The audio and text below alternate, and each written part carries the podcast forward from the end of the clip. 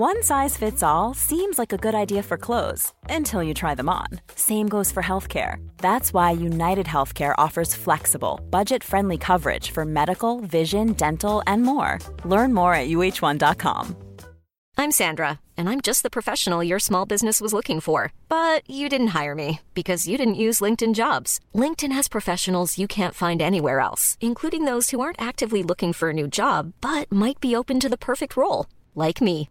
In a given month, over 70% of LinkedIn users don't visit other leading job sites. So if you're not looking on LinkedIn, you'll miss out on great candidates like Sandra. Start hiring professionals like a professional. Post your free job on linkedin.com/people today. Quality sleep is essential. That's why the Sleep Number Smart Bed is designed for your ever-evolving sleep needs. Need a bed that's firmer or softer on either side? Helps you sleep at a comfortable temperature? Sleep Number Smart Beds let you individualize your comfort so you sleep better together. JD Power ranks Sleep Number number 1 in customer satisfaction with mattresses purchased in-store. And now, save 50% on the Sleep Number limited edition Smart Bed for a limited time. For JD Power 2023 award information, visit jdpower.com/awards. Only at a Sleep Number store or sleepnumber.com. This is Paige, the co-host of Giggly Squad, and I want to tell you about a company that I've been loving, Olive and June. Olive and June gives you everything that you need for a salon quality manicure in one box. And if you break it down, it really comes out to $2 a manicure, which is absolutely insane. It's also so easy to get salon worthy nails at home with Olive and June. The difference between how your nails used to look when you did them yourself and now with the Manny system is a complete game changer. The best thing about Olive and June too is it's a quick dry. Dries in about one minute, lasts for five days, and full coverage in up to one to two coats. Visit oliveandjune.com slash perfectmanny20 for 20% off your first system. That's oliveandjune.com slash perfectmanny20 for 20% off your first system. I'm amazed how many people own stocks. They, they would not be able to tell you why they own it. They couldn't say in a minute or less why they own it. Actually, you really press it down, they'd say the reason I own this is the sucker's going up. There's enough cash in the financial system, and there is an infinite amount of cash at the Federal Reserve. An infinite amount Put of cash. Put that check in a money market mutual fund. Then we'll reinvest the earnings into foreign currency accounts with compounding interest, and it's gone. So they had to do something. All they had left was just to print money and start buying things. And that's what they did. Quick buck artists come and go with every bull market, but the steady players make it through the bear market. They say money can't buy happiness. Look at the fucking smile on my face. Hej och välkommen till ett nytt avsnitt av Market Makers med nytt 50% bättre ljud, eller hur? Ja, supertrevligt. Ja, jag har inte bra ljud än, men jag ska få det nästa vecka. Därav 50 procent. För jag, vi har ju faktiskt nu äntligen investerat i lite bättre utrustning. Inte för att vi hade dålig utrustning innan, men vi märker att den inte funkar helt riktigt för de miljöer vi spelar in i just nu. Eh, så vi har splurgat lite på, på teknik här, vilket känns bra. Men jag har ju fått hem min mikrofon och du har inte fått det. Så att, eh, ja, den här veckan kommer det vara extrema kontraster kanske. Det får man leva med. Det blir som en liten teaser inför nästa veckas avsnitt. Men vad ska vi prata om idag, Niklas? Jo, veckans avsnitt blir något av en teaser faktiskt också eh, inför nästa veckas avsnitt då vi kommer med oss en riktig gaminginvesteringsexpert. Eh, Så vi tänkte prata om gaming. Vi kommer prata om det finska Remedy som har varit lite av en Twitter-snackis här under hösten. Eh, ett väldigt intressant bolag som ligger bakom ett par väldigt intressanta IPn. Eh, Och sen kommer det såklart också bli årets kanske hetaste IPO, Roblox, som vi pratade en del om med Matgeek, eller Johan Hedberg, förra veckan. Och har du inte lyssnat på det avsnittet, ja, vad, vad gör du med ditt liv egentligen? Gå tillbaka och lyssna på det avsnittet nu. Det, det känns som vi har använt meningen or, årets hetaste notering flertalet gånger. men- det är inte men- första men- gången vi säger det. Nej, fast det, det är helt korrekt att säga det om, eftersom om det är nästföljande IPO hela tiden är årets hetaste. Vi kan dock inte gå tillbaka nu och säga att Unity var årets hetaste, utan det måste ju alltid vara liksom nästföljande. Förstår du logiken? När det är svart på vitt så har väl Palantir varit årets hetaste. Ja, om man tittar på, på aktieutveckling, absolut. Det är väl det enda man bryr sig om. Fundamenta är skit. Det är bara aktieutveckling som, eller kursutveckling som spelar roll. Det är faktiskt rätt sjukt. Just nu, Nikola, som många känner till, de håller på med de här äh, både vätegasdrivna och eldrivna lastbilarna. Eller de säger att de har det i alla fall. De har ju fortfarande inte genererat en enda intäkt annat än att de sålde lite solceller till sin före detta VD. Eh, de värderas ju till 8 miljarder dollar i det är deras market cap just nu för ett bolag som inte har några intäkter. Eh, apropå det här med att fundamenta inte spelar någon roll. Eh, och just nu måste ju nästan kanske EV-sektorn, alltså vet det, elbilar alltså, eh, electrical vehicles, det måste ju vara den största bubblan just nu. Tesla är såklart uttjatad, vi ska inte prata om det. De tjänar i alla fall en del pengar. Eh, men nu har vi också en hel del kinesiska aktörer som kommer in, till exempel Nio. Eh, de värderas faktiskt till 500 miljarder kronor ungefär just nu. Eh, Trots att de genererar, ja, alltså de har sålt 5 000 bilar tror jag var förra kvartalet, eller om det var på ett helt år. Det, det, liksom, det finns ju nästan ingen business där bakom. Verkligen, påminner lite om den här uh, cykelbubblan från slutet av 1800-talet. Ja, det var rätt roligt faktiskt. Du la ju ut någon eh, graf om det på Twitter, att eh, även när cyklar kom så trodde man, det vart ju en rejäl bubbla om man tror att i framtiden kommer alla cykla, för det är det bästa alternativet. Jag var tvungen att kolla upp det bara så inte jag sitter och ljuger om Nio. Nio har faktiskt sålt eh, 10 000 bilar år 2020. Ja, imponerande så det, det är riktigt ändå. otroligt. Imponerande. Ja, upp 68 procent från samma period förra året. och det, Niklas, det här är ett till, tillväxtbolag. Det är klart det ska värderas högt. Ja, och det värderas alltså till eh, närmare en halv biljon kronor. Men du, apropå bubblor. Jag tänkte faktiskt på det. Känns inte 2020 nu, om man bortser från corona och allting, känns det inte som att det är lite 2017 igen? Ja, och det är jävligt tur för att 2017 Historiskt sett var det mitt bästa år på börsen och nu är 2020, nu kommer det säkert gå om och bli ja, det, det, det nya bästa året för börsen för mig. Så att I'm all for it. Eller var det det du menade? Nej, det, eller det jag tänkte på, men, men det hänger ihop med det. 2017, 2017 då hade vi en kryptoboom och vi hade cannabisaktier-bubblan. Och det var just den här framförallt kryptoboomen kanske som, som gjorde att det var ett av de bästa åren eh, för dig. Och det var tror jag, faktiskt...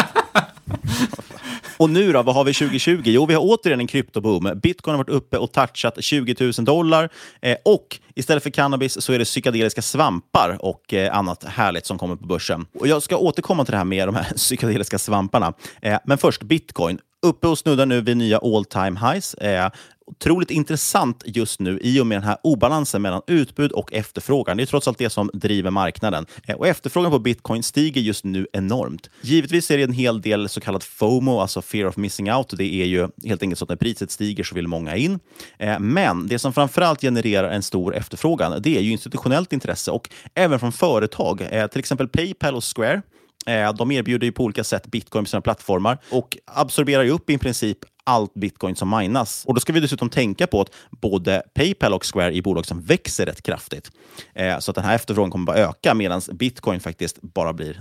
utbudet där blir bara sämre och sämre. Det är rätt sjukt faktiskt. Om vi tittar på Square en gång. Eh, enbart under Q3, alltså tredje kvartalet här nu, då hanterade Square på sin plattform eh, bitcoin-transaktioner för över 1,6 miljarder dollar. Galet. Eh, det är ganska sjuka volymer. Och Det var under ett kvartal och det är 11 gånger mer än vad de gjorde för ett år sedan. Så det är inte så konstigt att de behöver stärka sin balansräkning med lite mer kryptovalutor. Och det gjorde de nu faktiskt. De köpte ju bitcoin till sig själva då för 50 miljoner dollar alldeles nyligen. Eh, just för att på olika sätt då kunna hedga risk och sådär. Eh, sen hörde jag faktiskt på eh, en av Motley Fools poddar, tror jag var, att Squares nu sägs stå för 40 procent av alla transaktioner, eller volymen, inom bitcoin just nu. Så det är rätt intressant faktiskt. Men trots deras storlek, de har ju då deras eh, cash-plattform där man kan handla med bitcoin bland sådär. Eller man, man, kan inte handla saker, utan man kan hålla på och eh, trada med det och byta det fram och tillbaka. Och sådär. Men man kan inte handla med det i butiker än. Det är väl dock Paypal nu börjar erbjuda. Eh, man sa ju nyligen att man ska planera att möjliggöra bitcoinbetalningar direkt i miljontals av deras butiker online och fysiskt. Och sen som sagt, på allt det här så har vi dessutom institutionella investerare som eh, i och med att bitcoin ändå blir lite mer legitimt, det blir lite mer reglerat och så där, det, det, tycker ju många bitcoinfantaster inte om. Men det är jättepositivt för de institutionella pengarna, för då helt plötsligt blir det lite renare för dem att, att kunna ta in det. Absolut. Det, det, det är ju den här grejen med att om Square och Paypal har en wallet och håller dina bitcoin, då försvinner ju lite grejen av att ha bitcoin, att du själv ska äga dina pengar, för då kommer de ju kontrollera det. Samtidigt så såg vi ju eller vi har ju sett senaste tio åren att det kommer ju aldrig nå mainstreamen det här med bitcoin om varje människa måste sitta och ha sin egna plånbok och sitta och skicka över en kod och vänta en timme för att transaktionen ska vara gjord. Du måste liksom göra det möjligt att, eller gör, du måste ju underlätta för massan att kunna använda det här. Ja, och sen det där är ju en uttjatad och, och, och diskussion som... Disku, ja, sen är det där, just det där är en uttjatad Nej, förlåt. Gör det. Ja. ja, det där är ju den eviga diskussionen vad bitcoin egentligen ska användas till. Och Vi ska inte dra upp det än en gång här, för vi har varken några svar eh, eller någon intressant ny vinkel. Men, men jag tror ju ändå någonstans att bitcoin kommer vara mer en store of value. Alltså det kommer ju mer vara en form av digitalt guld, eller det är så jag ser det i alla fall. Eh, men den här obalansen fast som pratar mellan utbud och efterfrågan, den fakt känns faktiskt otroligt bullish just nu. Eh, men med det i ryggen, då, glöm dock inte bort att det här är en hög volatil tillgång. Eh, det är inte alls orimligt att vi tappar 10 på, eller mer på en enda dag. Jag tror att det faktiskt skedde, bara, det skedde ju faktiskt bara häromdagen när vi spelade in där. Eh, så var väldigt försiktig om du nu ska köpa bitcoin, så, så spring inte ut och, och, gå all in, som jag såg att eh, Raoul Paul gjorde från Real Vision. Äh, det där tycker jag är riktigt jäkla lökigt Niklas. Du vet ju själv att vi båda har sålt allting. Vi har nu rullat in all in i bitcoin. Varför då? Vi ska dubbla portföljen innan jul. Det är det som är tanken. Ja, och om bara pantbanken hade accepterat att eh, ta in min dotter in dit så hade jag faktiskt också så hade jag faktiskt liksom kunnat spara ännu mer i bitcoin. Men det gjorde de inte. Men apropå barnuppfostran så skulle vi prata om psykedeliska svampar också. Det känns som det kommer bli den nya heta bubblan nu. Jag pratade ju för några veckor sedan om eh, Peter Thiels eh, backade Compass Pathways som kom in på börsen. Jag pratade om det den första oktober och den aktien är nu upp över 40 procent på bara två månader. Eh, det är en rejäl, rejäl hås kring de aktierna, men det känns fortfarande som att det flyger lite under radarn, så jag undrar om det är så att jag har eh, återigen hittat eh, cannabisaktierna innan resten av marknaden. Det är faktiskt också, det börjar poppa upp en hel del konton eh, och webb, webbplatser och så vidare nu som på olika sätt bevakar och följer marknaden. Men det är intressant. Jag tänkte att jag kan lägga en länk här i avsnittsbeskrivningen där, där det listas en, ett, en handfull av de här bolagen som man vet vilka det gäller. Det är runt typ tio stycken eller någonting. Eh, så det är inte värt att jag sitter och läser upp de här i podden. Eh, jag varit faktiskt också, eller både du och jag varit inbjuden faktiskt till en eh, jag tror att det faktiskt var världens första webbinar eller festival eller man säger, för investeringar i den här typen av eh, bolag också.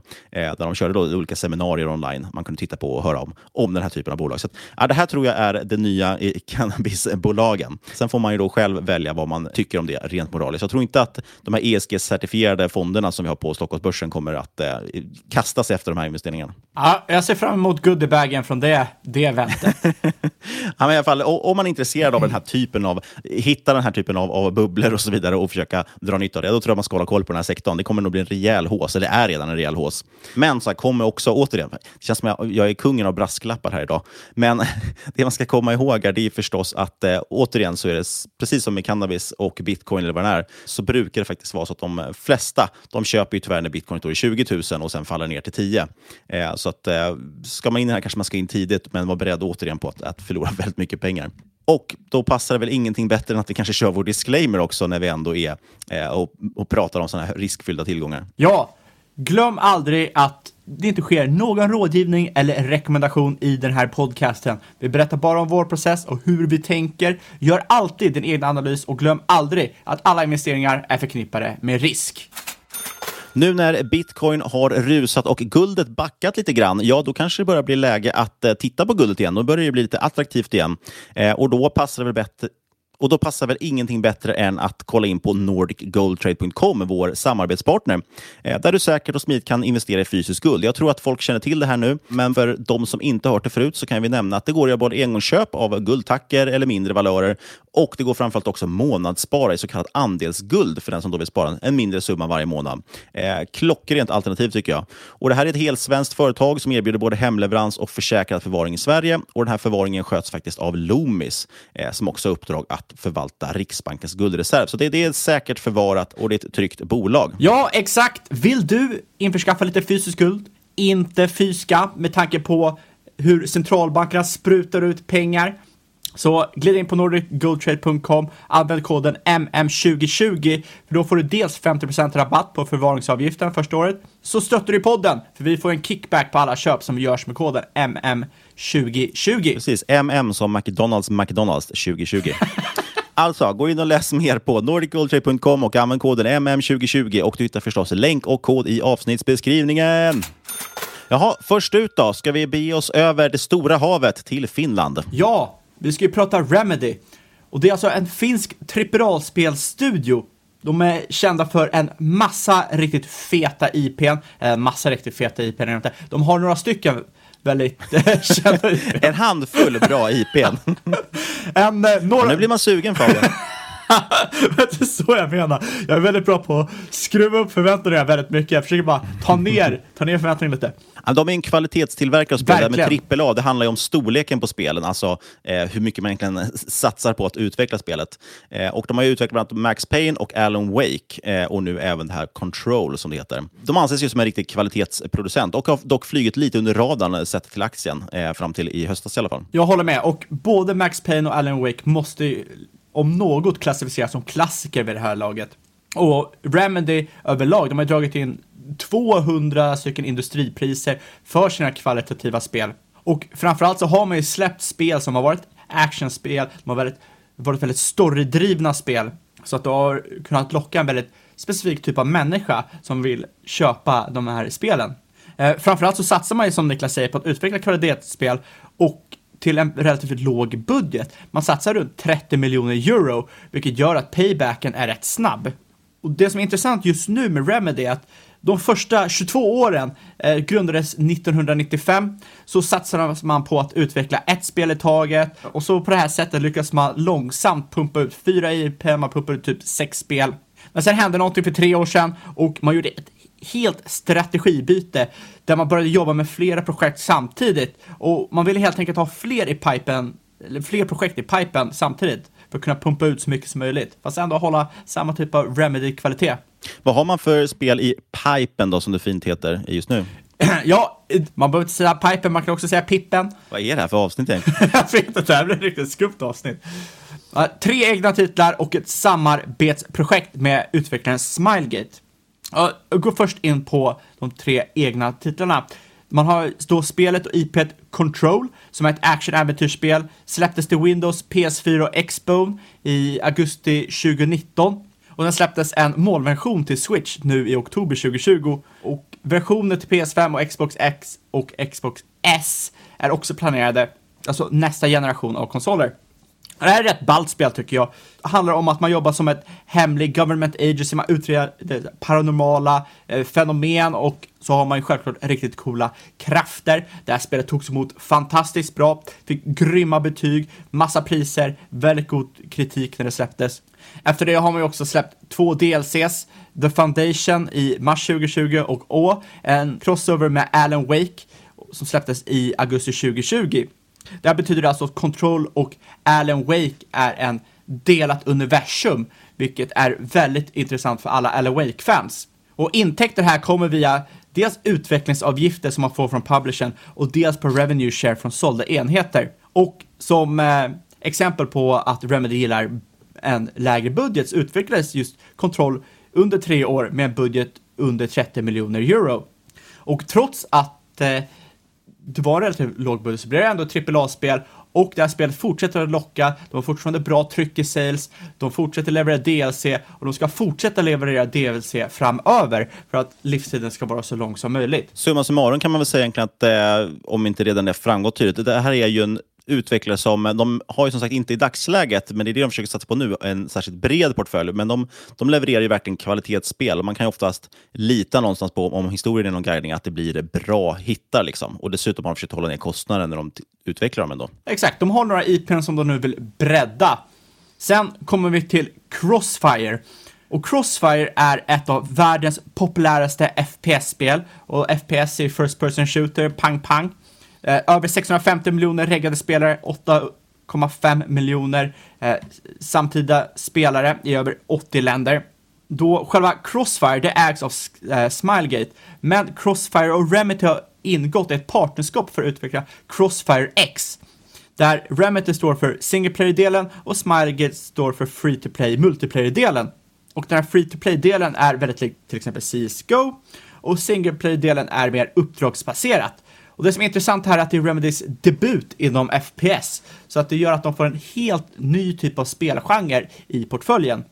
Själva säger de att de är väldigt inspirerade av till exempel Metal Gear Solid, väldigt inspirerade av Resident Evil och man vill skapa karaktärer som är larger than life. Och det här tycker jag är väldigt intressant för det kommer ge någon typ av väldigt lång hållbarhet på det de utvecklar. Det man bara kan nämna här, för att jag kan tänka mig att många ändå inte känner till att Crossfire är världens största FPS-spel. Och det är ju för att det framförallt är stort i Asien, ska man väl säga. Eh, alltså det lanserades först i Sydkorea och sen ja, har det varit i Japan, Indien och, och, och liksom, ja, det är enormt stort i, i Asien men kanske inte så himla stort i, i eh, västvärlden. Ja, Crossfire X skulle släppas nu till julen, men tyvärr på eh, grund av covid så har det skjutits till 2021. Allmänt så har Remedy inte påverkats särskilt mycket hittills av covid, så det är jätte, jättesynd att Crossfire har skjutits upp. För det låg väldigt, väldigt bra till i och med att Halo Infinite också hade skjutits upp. Och det här hade gjort att Crossfire hade varit den tyngsta AAA FPS till julen. Och man vet ju vad som händer i julen. Det är där alla mammor och pappor går och köper massor med spel till sina barn. Så att det hade ju varit väldigt bra för intäkterna. Allmänt så kommer intäkterna, man får in dem via utvecklingsavgifter från publishern och event eventuella royalties. Sen har vi också spelet Vanguard, inte utvecklat än, man sitter i pre-production. Det här ska bli en typ av long lasting service-based multiplayer-spel i Remedy-stil, om man utgår från vad de själva säger. I liksom väldigt enkla termer, det här är ett GAS, det är Game as a Service. Och det finns redan en intern första spelbar version, så de har kommit relativt långt ändå. Men det här typen av spel är också nytt för Remedy och det innebär ju att de breddar sin, sina möjligheter i portföljen ytterligare. Vad ett gasspel är innebär ju att det är, ett, det är ett spel som släpps och har en i stort sett pågående utveckling. Det utvecklas över tid. Så att du får inte bara en version av spelet. Det här versionen kommer efter ett år, två år, tre år se väldigt annorlunda ut från första versionen.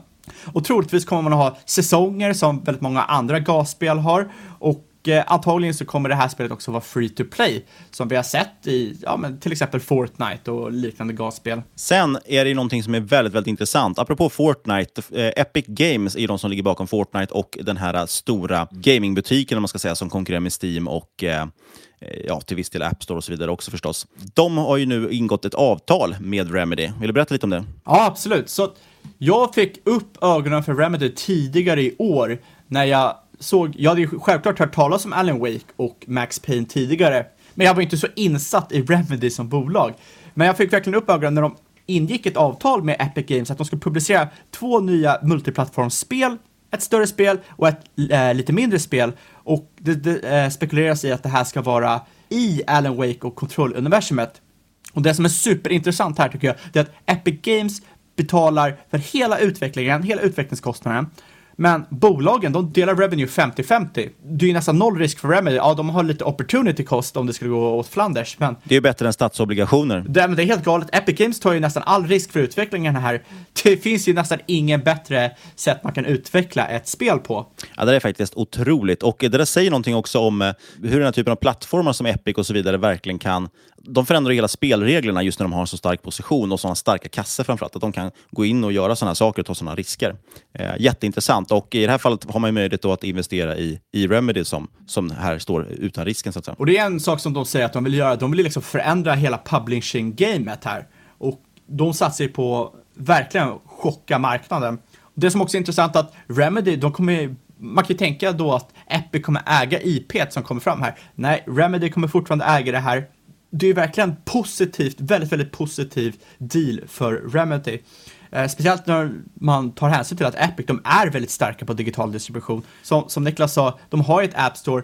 Eh, nästa steg för Epic är utan tvekan att fortsätta vidga sin App Store. Det är antagligen en stor anledning varför de gick och började fightas med Apple. De vill ha ett liksom, större App Store på mobil, de vill ha större App Store på PC och ta en allt större del av den kakan. Det pågår ju ett krig mellan de här plattformsaktörerna, eller butiksaktörerna man ska kalla det för. Så att det, ja, det öses ner väldigt mycket pengar här helt enkelt. Verkligen, och jag tycker det är eh, verkligen ett av de mest intressanta grejerna med eh, Remedy-caset just nu. Det är ju en black box, man vet inte vad som kommer hända, men det känns otroligt intressant. Kan ju tilläggas en liten, liten eh, grej här också, eh, eller två grejer kommer jag på faktiskt, med lite rolig kuriosa. Det ena är, som, som man ska veta om om Epic, det är att de också äger Unreal Engine, som är en av världens största spelmotorer. Det pratade ju, vi pratade jättemycket om Unreal i avsnittet vi gjorde om Unity IPO, eh, för det är en av deras då, stora konkurrenter egentligen.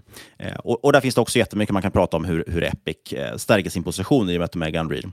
En annan skojig, bara liten kuriosa, återigen en teaser för nästa veckas avsnitt. Den gästen vi har med nästa vecka, han var ju faktiskt med och blev utköpt av Epic eh, på ett hörn kan man säga. Men det får vi höra nästa vecka. Vilken cliffhanger va? Det var en riktig cliffhanger. Det skulle du inte pratat om nu, för nu blir man ju väldigt intressant att höra mer och vill inte höra mer om min tråkiga eh, nästkommande del, för det är ju finanserna som händer nu. Det absolut tråkigaste. Fast det, där är, det är där det roligaste händer, i alla fall när man har sådana här bolag som växer väldigt kraftigt. Det som är intressant med Remedy, till skillnad mot många andra tillväxtbolag, Eh, de växer bra, men de är också lönsamma.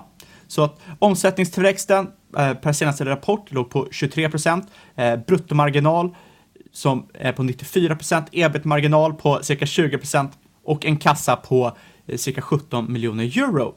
Med det sagt så är historiskt sett eller historiskt sett så har Remedy haft ett väldigt slagigt resultat, vilket är inte är så konstigt när du producerar spel. Nej, och framförallt när det produceras så pass få spel. Då släpps de ju väldigt sällan. Vi pratade om att man har varit igång i, vad sa vi, 25 år och släppt typ sex stycken spel. Någonting, så att det blir väldigt många år mellan de här spelen och då blir det ju väldigt slagigt. Därav att det är välkommet då förstås att de tar in lite egna, alltså lite fler spel och gör lite fler grejer samtidigt. Exakt, så jag tycker inte man ska sätta liksom jättemycket fokus på resultaten just nu. Men jag tycker man ska ta med sig att de har en kassa, är lönsamma redan, de har starka IPn och sen försöka tänka vad är framtiden utifrån de nya strategiska besluten de har, eller de har tagit. Det är ju det som är intressant just nu i det här caset. Ja, och, och framförallt, det är lite samma egentligen argument här som många drar kring Paradox Interactive. Där är de också väldigt slagiga mellan kvartalen. Och Det här är den typen av bolag där man måste våga se lite längre än så. Det behöver inte vara en bra investering för det, men man måste i alla fall räkna och dra ut det lite längre än ett kvartal i taget. Kanske till och med ibland längre än ett år i taget. Verkligen. Eh, och själv försöka titta lite på vad kommer de släppa, göra lite antaganden eh, och så försöka dra några slutsatser från det. Exakt, så ska jag försöka sammanfatta det här lite snabbt då, då så handlar det här om ett lönsamt AAA-spelbolag. Du har välkända IPn, god tillväxt som nu har skiftat över till en ny strategisk modell där man har börjat få allt mer i pipelinen. Bland annat otroligt samarbete med Epic Games där man får utveckla nytt spel till minimal risk och så håller man på att utveckla till exempel ett nytt gasspel Eh, och allt eftersom man växer så kommer man kunna öka den här pipelinen förutsatt då att kvalitet bibehålls och driva på intäktsströmmarna. Det är ju rätt sjukt att ha 94% bruttomarginaler, men i och med att man då ska låta Epic ta alla kostnader, då antar jag att man kommer få 100 bruttomarginaler, i alla fall på det enskilda spelet. Eh, det enda som jag tycker tar emot med Remedy, jag har ju ägt faktiskt Remedy lite grann under året, eh, men det är lite som är tråkigt idag, det är att den stod ju typ 10 spänn vid årsskiftet eh, 1920 eh, och nu står den i drygt 30 spänn någonting. Eh, så det har ju varit en, en rejäl resa den gjort under året. Eh, sen kan man fortfarande argumentera för att det är billigt och så vidare, och det är fortfarande inget, tittar man på, på något kanske PEG-tal eller som sagt eh, P talet är inte heller farligt med tanke på de växer. Och, men ja, det, det, tar emot lite grann. Det är tråkigt att köpa någonting när det har liksom dubblats eh, alltså på bara under året. Liksom. Så är det. Absolut. Men det är ett ytterst kvalitativt bolag som man, som man ska hålla koll på om man är intresserad av gaming. Sen, sen, måste man ju tänka på att i år har det varit ett väldigt extremt år. Jag skulle vilja säga att i stort sett alla intressanta bolag med någon typ av tillväxt har ju dubblats. Så det är, det är en väldigt extrem miljö man är i. Det gäller att inte Absolut. få för mycket anchoring-effekt där. Ja, och det man verkligen ska tillägga, vi pratade lite om det här med eh, elbilstillverkarna i början som man kan ha ett, market cap på, på ibland liksom tiotals miljarder dollar utan ens ha sålt en bil knappt. Med Remedy så är det också att en del steg från väldigt låga nivåer. Alltså att det, det handlades ju till, vad var det, P 10-20 någonting i början på året. Eh, nu handlas det till P 50. Så det, är liksom, det är inte som att det har gått till P 1000. Men This Mother's Day, celebrate the extraordinary women in your life with a heartfelt gift from Blue Nile. Whether it's for your mom, a mother figure, or yourself as a mom, find that perfect piece to express your love and appreciation. Explore Blue Nile's exquisite pearls and mesmerizing gemstones that she's sure to love. Enjoy fast shipping options like guaranteed free shipping and returns. Make this Mother's Day unforgettable with a piece from Blue Nile. Right now, get up to 50% off at BlueNile.com. That's Bluenile.com. There's never been a faster or easier way to start your weight loss journey than with PlushCare. PlushCare accepts most insurance plans and gives you online access to board certified physicians who can prescribe FDA approved weight loss medications like Wigovi and Zepbound for those who qualify. Take charge of your health and speak with a board certified physician about a weight loss plan that's right for you. Get started today at plushcare.com slash weight loss. That's plushcare.com slash weight loss. plushcare.com slash weight loss. Here's a cool fact. A crocodile can't stick out its tongue. Another cool fact, you can get short term health insurance for a month or just under a year in some states. United Healthcare short term insurance plans are designed for people who are between jobs, coming off their parents' plan, or turning a side hustle into a full time gig. Underwritten by Golden Rule Insurance Company, they offer flexible, budget friendly coverage with access to a nationwide network of doctors and hospitals. Get more cool facts about United Healthcare short term plans at uh1.com. Hiring for your small business? If you're not looking for professionals on LinkedIn, you're looking in the wrong place. That's like looking for your car keys in a fish tank. LinkedIn helps you hire professionals you can't find anywhere else, even those who aren't actively searching for a new job but might be open to the perfect role. In a given month, over 70% of LinkedIn users don't even visit other leading job sites. So start looking in the right place. With LinkedIn, you can hire professionals like a professional. Post your free job on linkedin.com slash people today. Quality sleep is essential. That's why the Sleep Number Smart Bed is designed for your ever-evolving sleep needs. Need a bed that's firmer or softer on either side? Helps you sleep at a comfortable temperature? Sleep Number Smart Beds let you individualize your comfort so you sleep better together. JD Power ranks Sleep Number number 1 in customer satisfaction with mattresses purchased in-store. And now, save 50% on the Sleep Number limited edition Smart Bed for a limited time. For JD Power 2023 award information, visit jdpower.com/awards. Only at a Sleep Number store or sleepnumber.com. Men jag tänker att vi ska hoppa vidare faktiskt till en IPO här eh, av ett bolag som absolut inte kommer vara i närheten ens av billigt värderat, eller hur? Nej, exakt. Vi ska ju snacka Roblox. Det måste vara bland de hetaste spelnoteringarna senaste åren. Och de släppte ju förra veckan ett prospekt inför börsnoteringen där man eh, visar sina finanser för första nio månaderna 2020. Och när man kollar på Roblox så tycker jag det är väldigt viktigt att förstå att det här är inte något traditionellt spel. Det här är alltså en social plattform eller ett ekosystem som tillåter användare att skapa och spela sina egna spel, vilket är otroligt häftigt. Eh, plattformen görs alltså upp av miljontals individuella spel som är skapade i deras egna utvecklade Roblox Studio Program. Alltså det här är ett program som stödjer skapandet av i stort sett vad som helst. Du spelar ingen roll om du vill skapa ett spel som eh, rollspel, om du vill skapa ett plattformsspel, äventyrsspel, shooter, racingspel, spelar ingen roll, du kan skapa vad du vill. Det är kanske det Remedy skulle titta på att använda. Om man kanske skulle slänga ut Unreal hos Epic och, och köra det här istället. Nej, just sen kollade de på grafiken och insåg varför det finns andra spelmotorer. Nej, skämt åsido. Jag, jag drog ju den här liknelsen i förra avsnittet när vi pratade Roblox med eh, Johan. Och, eh, men det är verkligen, det här är ju verkligen någonstans, tycker jag, spelens svar på Lego.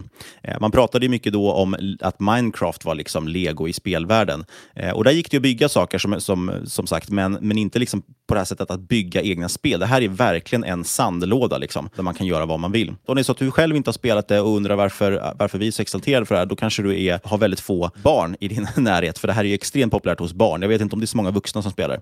Nej, vi ska gå in, på, gå in på det lite senare. Än så länge är åldrarna skewade mot det yngre. Eh, skulle du göra någon slags gallupundersökning nu i Sverige och titta på önskelistor hos eh, unga, så lovar jag att det kommer vara en hel del Robux, alltså den här interna valutan man har i spelet, som står på de önskelistorna nu, just nu. Nu går det liksom för mycket saker i förväg. Vi får liksom backa bandet, för nu pratar du om, liksom, om Robux och du pratar om eh, många yngre som använder det, varför det är ens intressant att kolla på då. Så backa lite bandet och så tar vi så här.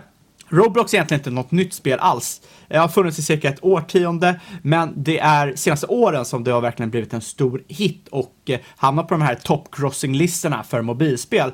En stor anledning till det här tror jag är att det finns crossplay-funktionalitet. Det är alltså att du kan spela på vilken enhet du vill med dina kompisar. PC, konsol, mobil spelar ingen roll. Och det här var faktiskt en av de sakerna som gjorde att Fortnite blev så populärt. För att vem som helst kunde spela, det spelade, inte, spelade ingen roll vad du hade för bakgrund eller för möjligheter. Du kunde spela Fortnite och det var ju en av anledningarna till den stora populariteten. Men som sagt, eh, Roblox, det handlar helt om user-generated content.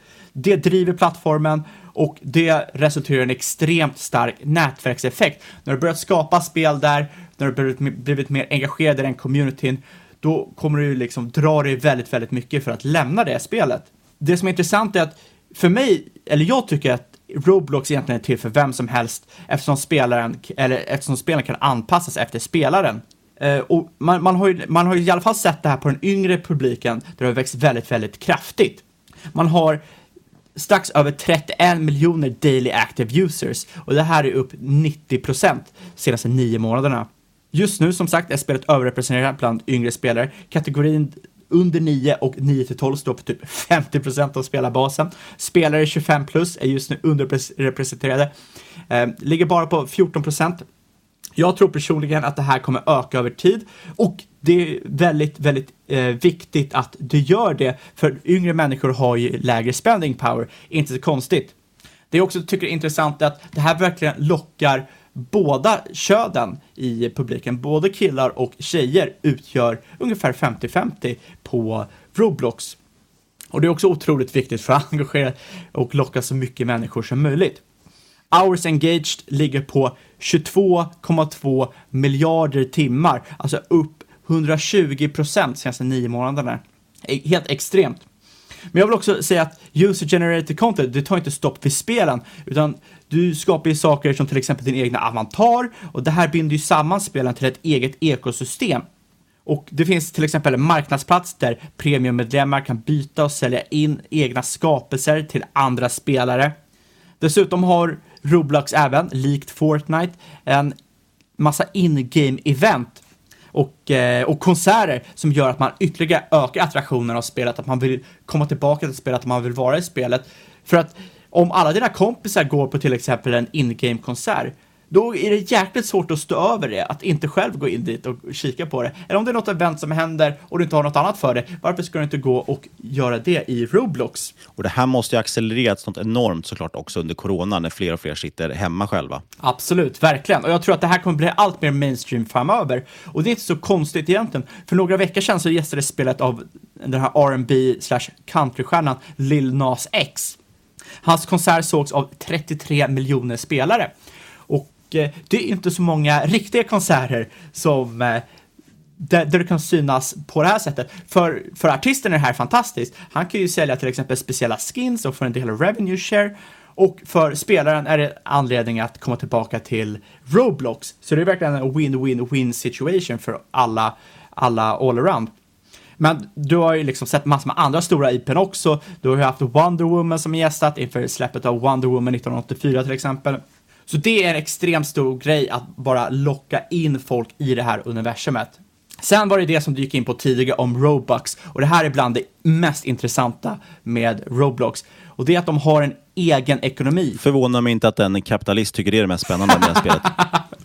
ja, men det är Alla för- andra försöker spela och roligt, du bara fokuserar på pengarna och ekonomin. Ja, men det var som när jag spelade World of Warcraft när jag var liten. Du vet, alla andra satt och grindade och körde eh, raids. Jag satt ju bara där i auction house och satt och tradade alla skins och grejer. Försökte hitta arbitrage. ja, det var det enda jag gjorde. Eh, heavy hides och grejer. Men i alla fall, det, här att de har en egen valuta är extremt intressant för att du kan både köpa den och du kan tjäna den. Och det här spenderas då i spelet på olika skins. Det finns subscription plans där man kan få olika perks som eh, tillgång till olika skins, discounts, robux. Så man har flera sätt att monetarisera spelet på. Men eh, det som är mest intressant är att du faktiskt kan tjäna Robux genom att skapa spel. Det är alltså att när en spelare skapar ett spel så kontrollerar de även monetariseringen på sitt lilla spel och kan tjäna riktiga pengar via sina titlar. De eh, skryter ju faktiskt på eh, sin eh, hemsida Roblox om att de har betalat ut över 240 miljoner dollar till så här, community developers, det vill säga de som faktiskt bygger content i spelet. Det är en ganska rejäl siffra. Det, det är en rejäl sista, äh, siffra och jag tycker man ska tänka på också att det här monetariseringen, det är väldigt early stage.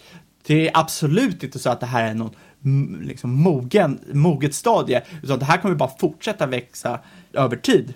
Så ja, som sagt, de kan tjäna pengar på sina egna spel. Eh, utvecklare kan också skapa verktyg och modeller till andra utvecklare som de kan använda i sitt egna spel. Sen fördelas ju de här intäkterna som kommer in till plattformen såklart mellan utvecklarna, Roblox och eh, Apple, Xbox och Android som tar också eh, såklart sina 25 procent. Google tjänar alltid någonstans pengar på det. Eh, jag, måste bara, ändå, det här är ju en, en rätt intressant trend som man ska hålla koll på. Just den här typen av plattformar som vi är inne på. Det, det här hänger nästan lite upp med, vi pratade för ganska länge sedan om det här med API-ekonomin. Det vill säga att vi går ju mer och mer mot, precis som att, att folks yrken har blivit mer och mer specialiserade sedan industrialismen, så ser vi också nu i den här eran att, att vi får också mer och mer specialiserade eh, tjänster eller företag inom IT-sektorn.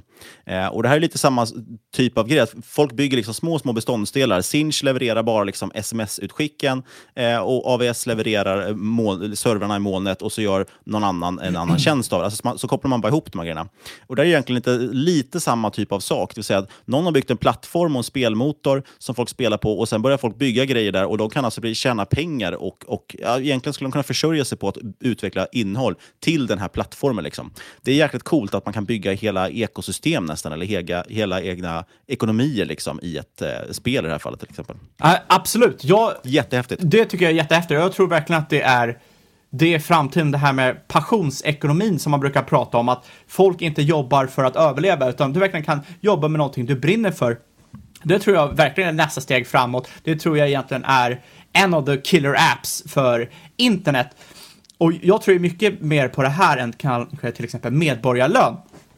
Och ver verkligen nästa steg framöver. Men bara för att kika på det här då. Roblox har alltså 7 miljoner aktiva utvecklare.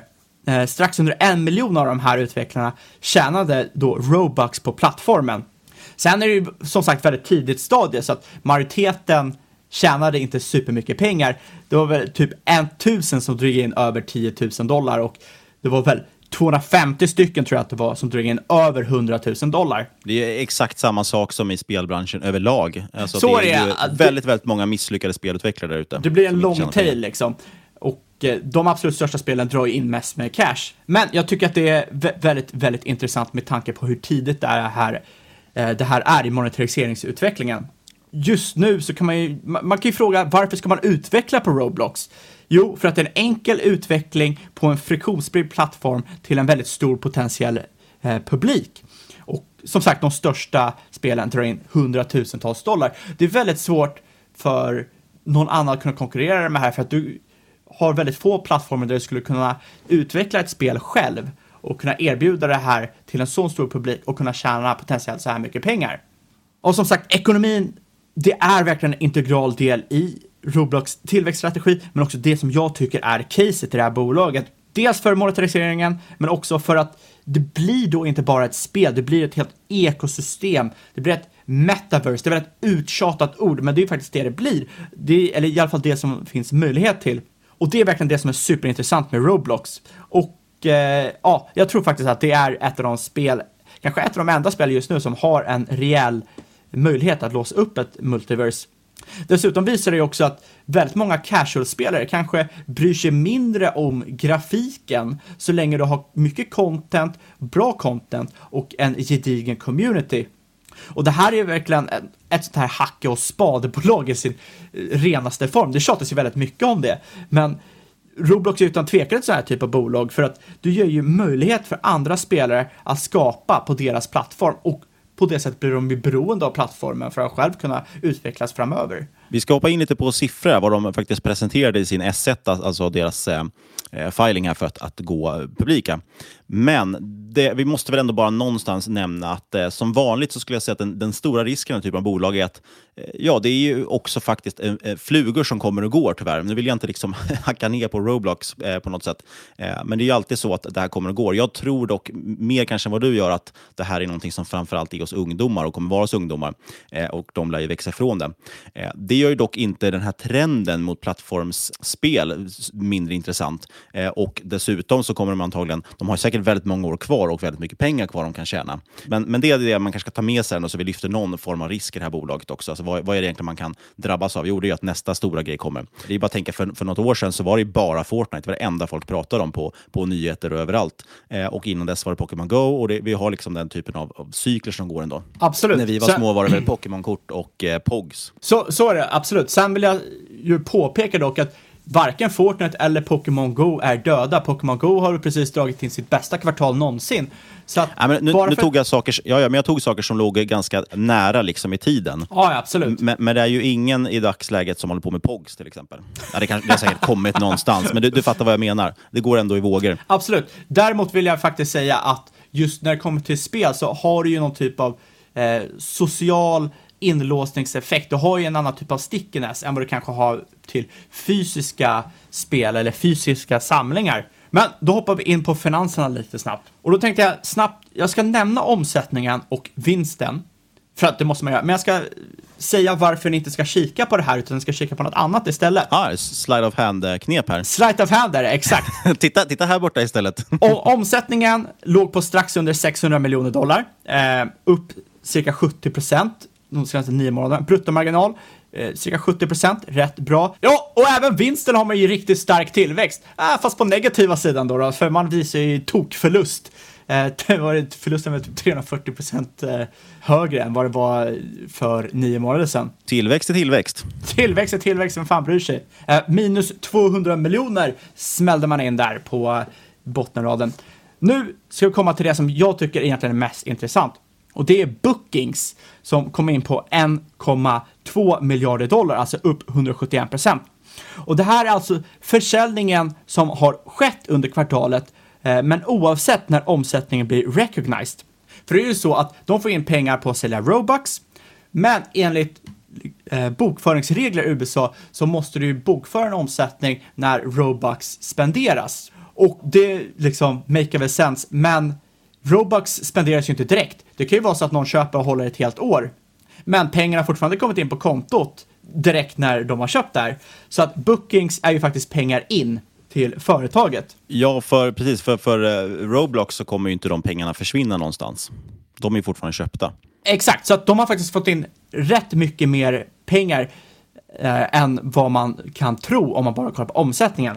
Sen tycker jag faktiskt att även om det är en rätt ung publik så har de ett rätt bra booking per daily active user, ligger på strax under 14 dollar. Och det här är ju i liksom, det, det, här är ju otroligt bra för ett sånt här, liksom, nä, nästan i takt med många av de här social mediebolagen.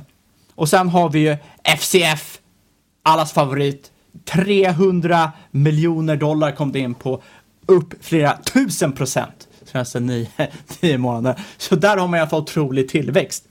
Så det jag tycker man ska kika på, så det jag tycker man ska tänka på är att det här är faktiskt, till skillnad från vad man kanske tänka först, är att det är en väldigt stor och det är faktiskt en rätt lönsam business. Eh, och sammanfattningsvis är det alltså intressant plattform. Det här är en infrastruktur som gör det möjligt för vem som helst att skapa, sälja och marknadsföra spel till ett väldigt stort och växande community. Och en del av caset är att det möjligtvis kan vara första steget in i en riktig multiverse. Ja, det var veckans gamingavsnitt och som sagt nästa vecka blir det ännu mer gaming, men då fokus på en härlig Twitter-profil och hans resa som gaminginvesterare. Det vill ni inte missa. Vi kommer väl skicka ut något här på Twitter i dagarna om att man kan ställa frågor och då skriver vi ut vem det här är också. Jag vet inte varför jag går och håller på det, men nu får det vara en hemlighet. Jag tycker det är lite roligt. Hålla er på halstret, säger man va? Vill ni följa det på Twitter, ja, då går ni in på Twitter, at marketmakerspod heter vi där. Där kan ni även hitta både mig och Fabian, våra privata konton. Ni får jättegärna också kontakta oss på podcast marketmakers.se och nu har jag skiftat om hela ordning här, så tokig är jag. Så att här tänker jag dra disclaimern och säga att inget hört den här podcasten ska ses som rådgivning. Alla åsikter var egna, eller gäst och eventuella sponsorer tar inget ansvar för det som sägs i podden. Tänk på att alla investeringar är förknippade med risk och sker under eget ansvar. Men du, äger du något av de här bolagen vi pratat om? Roblox är ju förstås svårt att äga eftersom det inte har noterats än. Ja, men jag fick köpa privat, så jag slängde in en 50 eh, millar i det. Det är lugnt. Eh, var det Robux? Exakt, det, det, det, är Robux. Det, det hade ju varit en väldigt PR-grej här om de hade faktiskt erbjudit spelare att eh, investera i bolag med Robux. Robux faktiskt. Det är svårt när det heter Roblox och Robux. Det är, svårt, det är lätt att blanda ihop de två orden. Men du, om du inte är intresserad av Robux utan vill faktiskt köpa någonting fysiskt, ja då ska du kolla in vår samarbetspartner nordicgoldtrade.com och ange koden MM2020 så får du 50% på första årets förvaringsavgifter. En väldigt intressant och smart plattform för dig som vill antingen månadsspara eller göra engångsköp i fysiskt guld, alltså äkta vara. Ja, det känns nästan lite, lite olustigt nu när vi har skiftat om ordningen här på hela outrot. Men vi testade det idag. Det funkade inte. Nästa vecka är vi tillbaka till det vanliga konceptet igen. Och sist men absolut inte minst, stort, stort tack för att du har lyssnat. Vi hörs igen om en vecka.